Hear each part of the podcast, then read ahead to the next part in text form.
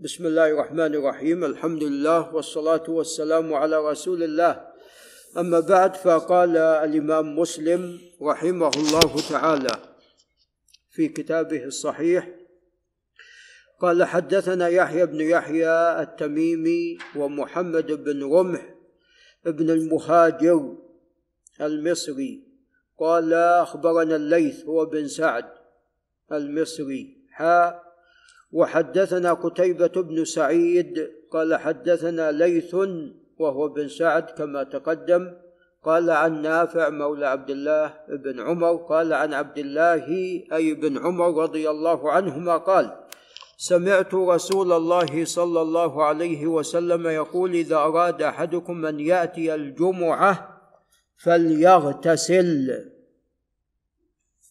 وهذا كتاب الجمعة من صحيح الإمام مسلم.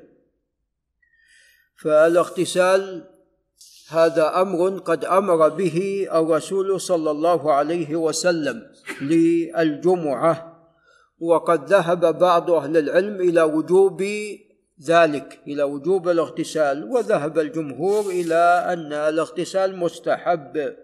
والأقرب الوجوب لقوله عليه الصلاة والسلام غسل يوم الجمعة واجب كما سوف يأتي بإذن الله.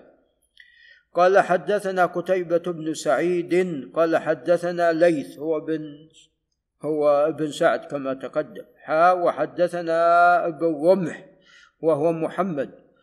قال أخبرنا الليث عن ابن شهاب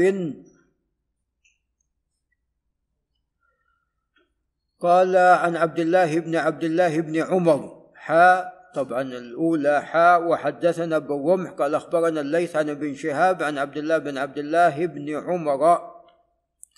عبد الله بن عمر له ولد اسمه عبد الله وهذا يعني ليس فيه شيء. بعض الناس يقول كيف تسمي على اسمك وأنت حي. يعني هم في الأصل يسمون إذا توفي الشخص سموا عليه.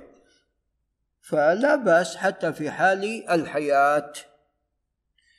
قال عن عبد الله بن عبد الله بن عمر.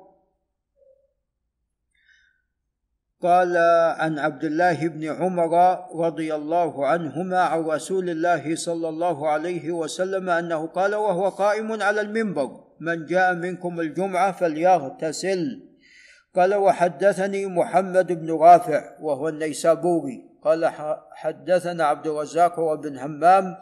قال أخبرنا ابن جريج وهو عبد الملك.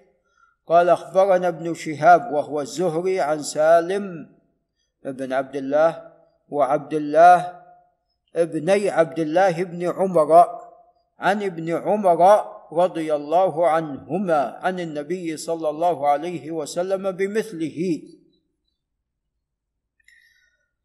قال وحدثني حرملة بن يحيى التجيبي قال أخبرنا ابن وهب وهو عبد الله قال أخبرني يونس وهو بن يزيد الليلي الأيلي عن ابن شهاب الزهري عن سالم بن عبد الله عن أبيه عبد الله بن عمر رضي الله عنهما قال سمعت رسول الله صلى الله عليه وسلم بمثله.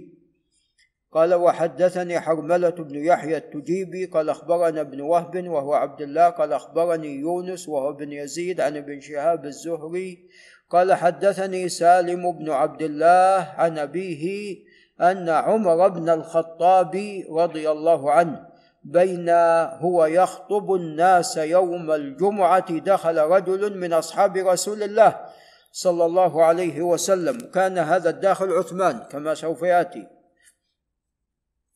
فناداه عمر أي ساعة هذه؟ فقال إني شغلت اليوم فلم أنقلب إلى أهلي حتى سمعت النداء فلم أزد على أن توضأت.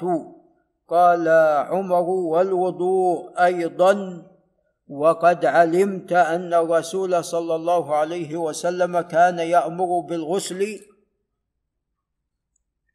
نعم. وعثمان رضي الله عنه لو اغتسل قد تفوت ماذا؟ الجمعة. نعم. وهذا احتج به من احتج على أن الاغتسال سنة وهو ليس فيه حجة. نعم.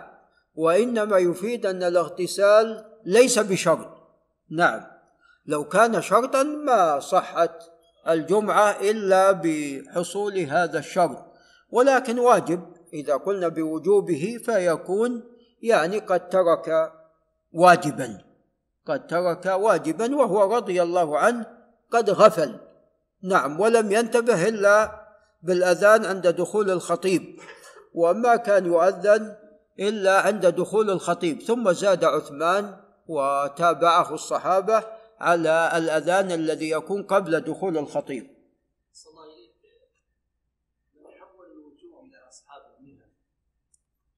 والله هذا له له نعم هذا قد قال به بعض أهل العلم ورجحه ابن القيم فقال يعني من كان يعني له رائحة نعم وهو يعمل في مهنة يعني في مهنة ويكون له رائحة وله كذا فهذا يتأكد في حقه الاغتسال بخلاف غيره.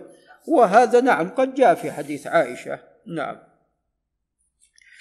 قال حدثنا إسحاق بن إبراهيم هو الحنظلي قال أخبرنا الوليد بن مسلم الدمشقي قال عن الأوزاعي عبد الرحمن قال حدثني يحيى بن أبي كثير قال حدثني أبو سلمة ابن عبد الرحمن بن عوف قال حدثني أبو هريرة رضي الله عنه قال بينما عمر بن الخطاب يخ رضي الله عنه يخطب الناس يوم الجمعة إذ دخل عثمان بن عفان.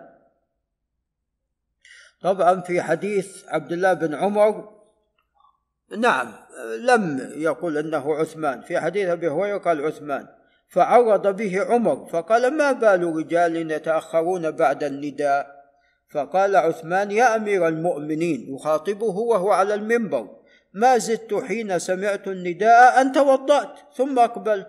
فقال عمر والوضوء أيضا ألم تسمعوا أن الرسول صلى الله عليه وسلم يقول إذا جاء أحدكم إلى الجمعة فليغتسل؟ ولعل نقف عند هنا.